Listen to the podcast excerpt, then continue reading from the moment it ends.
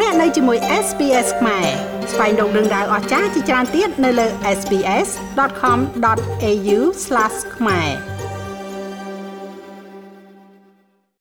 ប្រិមត្តអ្នកស្ដាប់ SBS ខ្មែរជាទីមេត្រីជាបន្តទៅទៀតនេះនាងខ្ញុំនឹងជួបជាមួយនឹងកញ្ញាហឿងមានទេពី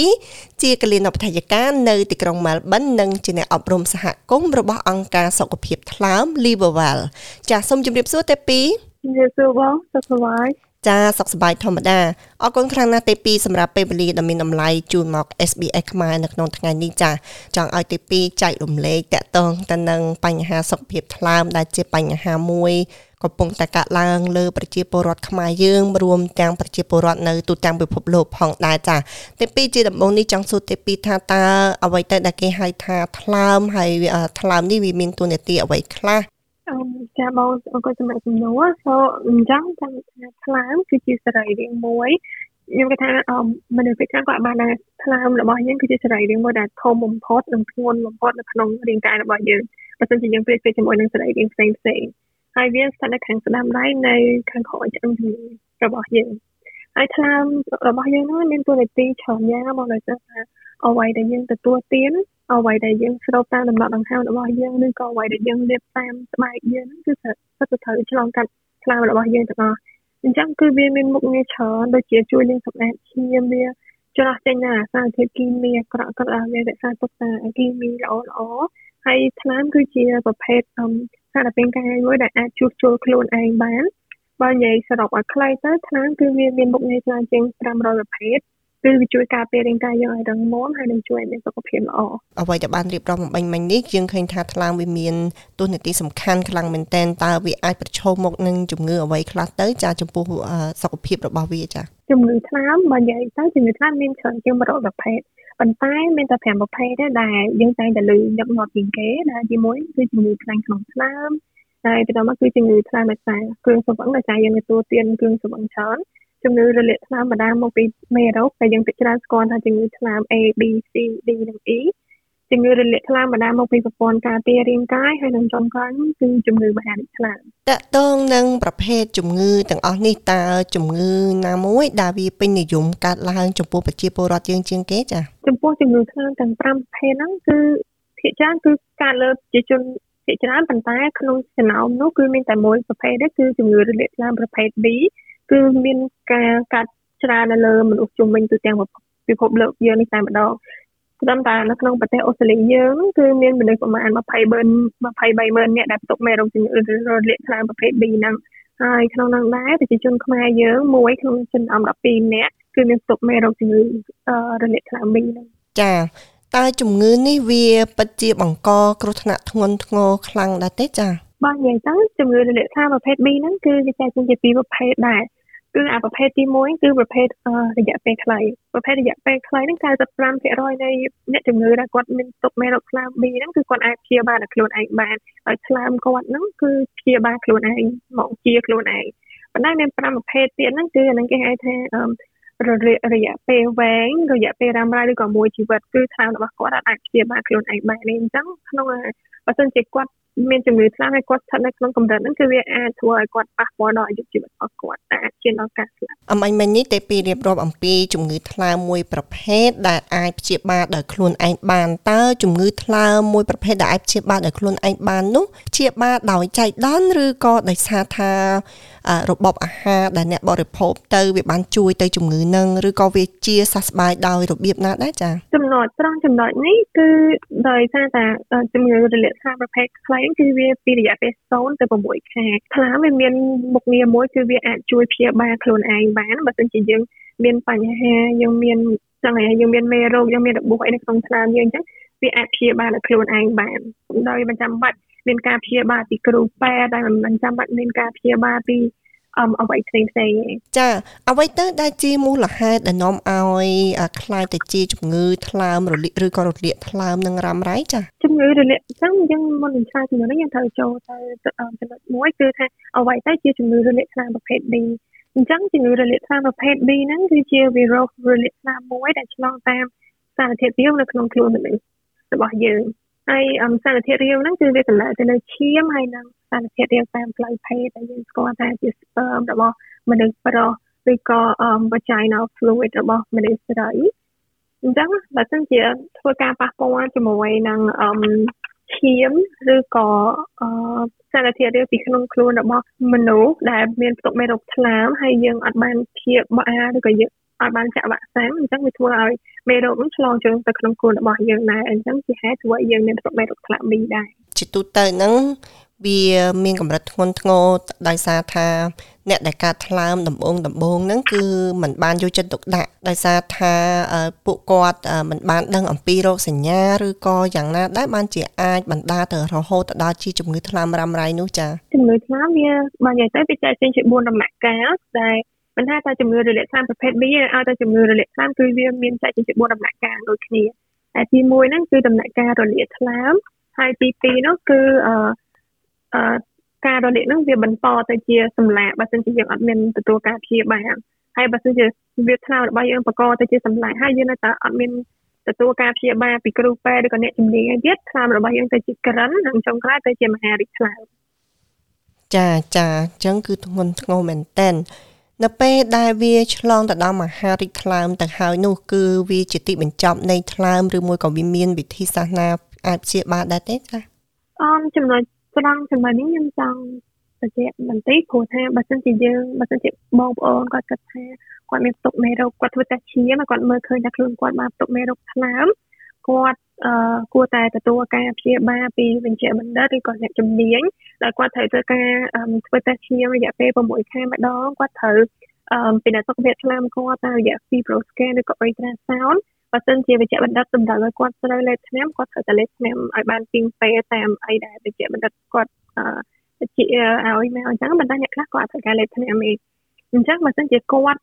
ធ្វើតាមអីដែលថាវិជ្ជាបណ្ឌិតគេជួយណែនាំឲ្យគាត់អីអញ្ចឹង អញ្ចឹងថ្លើមគាត់ហ្នឹងអាចព្យាបាលមកទៅជាកម្រិតធម្មតាវាអត់អាចវិវត្តទៅជាកម្រិតក្រិនថ្លើមឬក៏មហារីកទេបងបើនិយាយស្រួលស្ដាប់ទៅជំងឺរលាកថ្លើមប្រភេទ B វាអត់ទាន់មានថ្នាំព្យាបាលទេប៉ុន្តែវាមានអត់មានទាន់មានថ្នាំព្យាបាលឲ្យដែរតែវាមានថ្នាំព្យាបាលដែលជួយបន្ថយឲ្យមានកើនមេរោគនៅក្នុងថ្លើមហើយក៏ជួយបន្ថយឱកាសនៃកម្រិត ដែលធ្វើឲ្យឆ្លាមរបស់យើងកើតនឹងទៅជាមហារីកខ្ញុំចាប់អារម្មណ៍បាញ់មិញគឺយើងមិនមានថ្នាំជាបានទេប៉ុន្តែយើងមានថ្នាំ ទប់ស្កាត់ឬក៏អាចថាបន្ថយកម្រិតមេរោគចា នៅ ចំពោះអ្នកដែលគាត់មានផ្ទុកមេរោគថ្លើមហ្នឹងយើងដឹងហើយថាមេរោគថ្លើមដូចទៅពីបានរៀបរាប់បាញ់មិញអញ្ចឹងវាមានច្រើនប្រភេទផ្សេងផ្សេងគ្នាហើយចំណែកឯថេរវេលានៅក្នុងការឆ្លង នៅឬក៏កើតជំងឺថ្លើមនឹងទៀតគឺខុសខុសគ្នាទៀតអញ្ចឹងនៅក្នុងការដែលទៅធ្វើតេស្តបើគាត់សង្ស័យថាគាត់កើតថ្លើមតើអាការធ្វើតេស្តនឹងវាអាចបញ្ជាក់ថា មនុស្សម្នាក់នឹងមានកម្រិតនៃជំងឺថ្លើមនឹងរយៈពេលយូរប៉ុណ្ណាហើយដែរទេឬក៏ដោយសារថាគាត់មានចេញរោគសញ្ញាទៅអាចប្រាប់បានថាគាត់មានជំងឺថ្លើមធ្ងន់ធ្ងរឬក៏មិនធ្ងន់ធ្ងរចា៎បែងចែកចេញពីពីប្រភេទ సో ឥឡូវខ្ញុំចង់និយាយជាមួយនឹងរោគសញ្ញានៃជំងឺរលាកថ្លើមសិនអញ្ចឹងរោគសញ្ញានៃជំងឺរលាកថ្លើមប្រភេទ B ហ្នឹងពីមនុស្សម្នាក់ទៅមនុស្សម្នាក់គឺមានភាពផ្សេងផ្សេងខុសពីគ្នា ហើយអ្នកខ្លះវិញគាត់អត់ចេញរោគសញ្ញាលុះត្រាតែដល់កម្រិតចុងក្រោយដែលកម្រិតដែលយើងហៅថាក្រិនថ្លើមឬក៏មហារីកថ្លើមបានគាត់ចេញរោគសញ្ញាហើយរោគសញ្ញាគឺដូចជាយើងពិចារណាយើងស្គាល់គឺស្បែកលឿងឬក៏មានទឹកក្នុងពោះថាខ្មែរយើងហៅថាទីទឹកហ្នឹងអញ្ចឹងបើសិនជាគាត់ស្ថិតនៅក្នុងកម្រិតហ្នឹងគឺពិចារណាគឺធ្ងន់ធ្ងរហើយប៉ុន្តែជាទូទៅរោគសញ្ញានៃជំងឺរលាកថ្លើម B គឺវាមានរោគសញ្ញាដូចជាយើងមានអារម្មណ៍ហត់នឿយយើងមានអារម្មណ៍ចង់ក្អួតមានអារម្មណ៍គ្រុនក្តៅឬក៏ផ្ដាសាយស្បែករបស់យើង នឹងផ្នែកឡើងពណ៌លឿងការប្រែពណ៌ទឹកនោមហើយទឹកនោមយើងប្រែទៅជាពណ៌លឿងណាតែលឿងល្អហើយនឹងការជិះចាំនៅត្រង់បរិវេណថ្លើមរបស់យើងណាប៉ុន្តែនៅប្រទេសអូស្ត្រាលីយើងគឺគេអត់ចង់ឲ្យយើងនិយាយអំពីរោគសញ្ញាទេគឺគេចង់ឲ្យយើងតែធ្វើតេស្តឈាមដើម្បីឲ្យដឹងថាយើងមានជំងឺថ្លើមឬក៏អត់ព្រោះអីរោគសញ្ញានៃជំងឺរលាកថ្លើមប្រភេទ B នេះគឺវា too general បងចង់និយាយថាវាវាស្តៀងនឹងជាមួយនឹងរោគសញ្ញានៃជំងឺផ្សេងផ្សេងទៀតដែរ អញ្ចឹងបើយើងចាំតតែថាយើងចេញអារោគសញ្ញាអស់ហ្នឹងមកជួនកាលវាអាច too late ដើម្បីវិជ្ជាបណ្ឌិតជួយព្យាបាលយើងហើយវិធីតែមួយគត់ដែលយើងដឹងថាយើងមានផ្ទុកមេរោគថ្លើម B ឬក៏អត់ហ្នឹងគឺមានតែការធ្វើតេស្តឈាមឯងបានដឹងថាយើងមានផ្ទុកមេរោគថ្លើម B ឬក៏អត់ហើយបើសិនជាបន្ទាប់ពីយើងធ្វើតេស្តឈាមហើយបើសិនជាលទ្ធផលចេញមកបាត់នេះថាវិជ្ជមានអញ្ចឹងបានន័យថាគាត់មានផ្ទុកមេរោគជំងឺរលាកថ្លើមប្រភេទ B ហ្នឹងហើយ ប៉ុន្តែបើលទ្ធផលចេញមកអវិជ្ជមានអញ្ចឹងវាមានមូលហេតុ3យ៉ាងផ្សេងទៀតដោយសារតែទី1គាត់ក្នុងខ្លួនគាត់បានទទួលភាពសាមហើយទទួលភាពសាមហ្នឹងមានន័យថាគាត់មានផ្ទុកមេរោគថ្លើម B ពីមុនមកហើយប៉ុន្តែថ្លើមរបស់គាត់បានព្យាបាលជាដោយ AA ដែលដូចខ្ញុំនិយាយមុនហ្នឹងថាក្នុងកម្រិតពេលខ្លីពី0ទៅ6ខែហ្នឹងអញ្ចឹងបានន័យថាខ្លួនគាត់ហ្នឹងគាត់មានភាពសាមនឹងជាមួយរលាកថ្លើមប្រភេទ B ហ្នឹងហើយហើយចំណុចទី2ហ្នឹងគឺគាត់បានទទួលការចាក់វ៉ាក់សាំងហើយ យើងអាចការពារជំងឺរលាកថ្លើមប្រភេទ B ដោយការទទួលការចាក់វ៉ាក់សាំងយើងចាក់វ៉ាក់សាំងចំនួន3ដងគឺអាចការពារយើងអស់មួយជីវិតតែម្ដងហើយនឹងមូលហេតុចុងក្រោយនោះគឺគ្មានភាពសាមលទ្ធផលទៅតែឈាមយើងហ្នឹងបង្ហាញថាយើងអវិជ្ជមានប៉ុន្តែយើងគ្មានភាពសាមក្នុងខ្លួនអញ្ចឹងបានន័យថាក្នុងខ្លួនយើងហ្នឹងយើងអត់ដែរធ្លាប់មានផ្ទុកមេរោគស្លា B ពីមុនមកហើយយើងក៏អត់ដែរទទួលការចាក់វ៉ាក់សាំងដែរអញ្ចឹងបើសិនជា លទ្ធផលយើងចេញមកបង្ហាញអញ្ចឹងគ្រូពេទ្យយើងប្រកាសជារស់រាន់ឲ្យយើងប្រញាប់ចាក់វ៉ាក់សាំងឲ្យព្រោះបើសិនជាលទ្ធផលចេញមកនេះថាយើងនឹងមានអត្រាខ្ពស់ក្នុងការឆ្លងមេរោគថ្នាំ B សម្រាប់ខ្ញុំមុនខ្ញុំមកប្រទេសអូស្ត្រាលីយើងគ្រប់គ្នាយើងចាក់តាំងពីទូទូហើយអញ្ចឹងប៉ុន្តែដោយសារតែប្រទេសយើងជួនកាលវ៉ាក់សាំងពីប្រទេសមួយទៅប្រទេសមួយមានភាពខុសៗគ្នាអញ្ចឹងសម្រាប់ខ្ញុំពេលខ្ញុំមកប្រទេសអូស្ត្រាលីខ្ញុំខ្ញុំមុនខ្ញុំចូលហ៊ានពេទ្យគេម្ដងខ្ញុំធ្វើតេស្តឈាមសិនដល់ពេលខ្ញុំធ្វើតេស្តឈាមគេចែកមើលវ៉ាក់សាំងអីហ្នឹងគឺបែរថា វ៉ាក់សាំងខ្ញុំខ្ញុំមានហើយខ្ញុំបានចាក់ហើយប៉ុន្តែគឺគេត្រូវឲ្យខ្ញុំហ្នឹងត្រូវចាក់ដូសជំរុញទៀតដោយសារតែវ៉ាក់សាំងប្រភេទនៅស្រុកយើងហ្នឹងខុសគ្នាពីប្រភេទនៅវ៉ាក់សាំងនៅប្រទេសអូស្ត្រាលីនេះអញ្ចឹងមិនមែនថាជួនកាលឲ្យតែយើងចាក់វ៉ាក់សាំងពីទូចហើយវាអាចការពារយើងបានពេញមួយជីវិតទេត្រូវអត់ខុសឲ្យចំណុចនេះប៉ុន្តែពេលខ្លះ ដុកទ័ររបស់យើងប្រហែលជាតម្រូវឲ្យយើងចាក់ដុសជំរុញបន្ថែមទៀតយើងឃើញថាការឆ្លងវាពិតជាតកតងខ្លាំងទៅនឹងការរស់នៅប្រចាំថ្ងៃតើទីពីរមានអ្វីដើម្បីជាការផ្ញើសារទៅដល់បងប្អូននៅក្នុងការរស់នៅប្រចាំថ្ងៃនេះគូមានទម្លាប់បែបណាខ្លះទៅដើម្បីរក្សាសុខភាពថ្លើមនិងឲ្យវា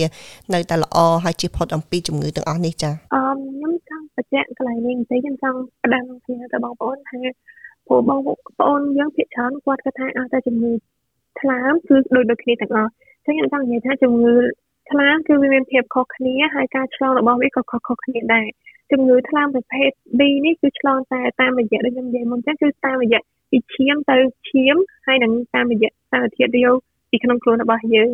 អញ្ចឹងវាអាចឆ្លងតាមការបំរើដោះម្ដាយទៅទារកការក្អកកណ្ដាស់ការអោបថើបគ្នាឬក៏ប្រើប្រាស់សមសុភារួមគ្នាព្រោះពួកគាត់តែងតែមានផ្នែកគណិតមួយថា នៅក្បែរអ្នកកើតឆ្លាមឆ្លងញ៉ាំបាយញ៉ាំផលចានសុភាជាមួយគ្នាឆ្លងអស់ហ្នឹងគឺគ្រាន់តែជាផ្នត់កំណត់ខ្មែរយើងពីមុនឬក៏ថាចង់និយាយថាព័ត៌មានមិនពិតដែលយើងនិយាយពីមាត់មួយទៅមាត់មួយអញ្ចឹងចង់ផ្ដាំផ្ញើទៅបងប្អូនថាព័ត៌មានទាំងអស់ហ្នឹងអត់ពិតទេឆ្លើម B គឺឆ្លងតែតាមសារធាតុរាវនិងឈាមទៅនឹងឈាមហើយសម្រាប់ការថែរក្សាសុខភាពយើងបើទោះបីជាយើងមានជំងឺខ្លាំងឬក៏មិនមានជំងឺខ្លាំងក៏ដោយខ្ញុំគិតថាយើងគួរតែរស់នៅ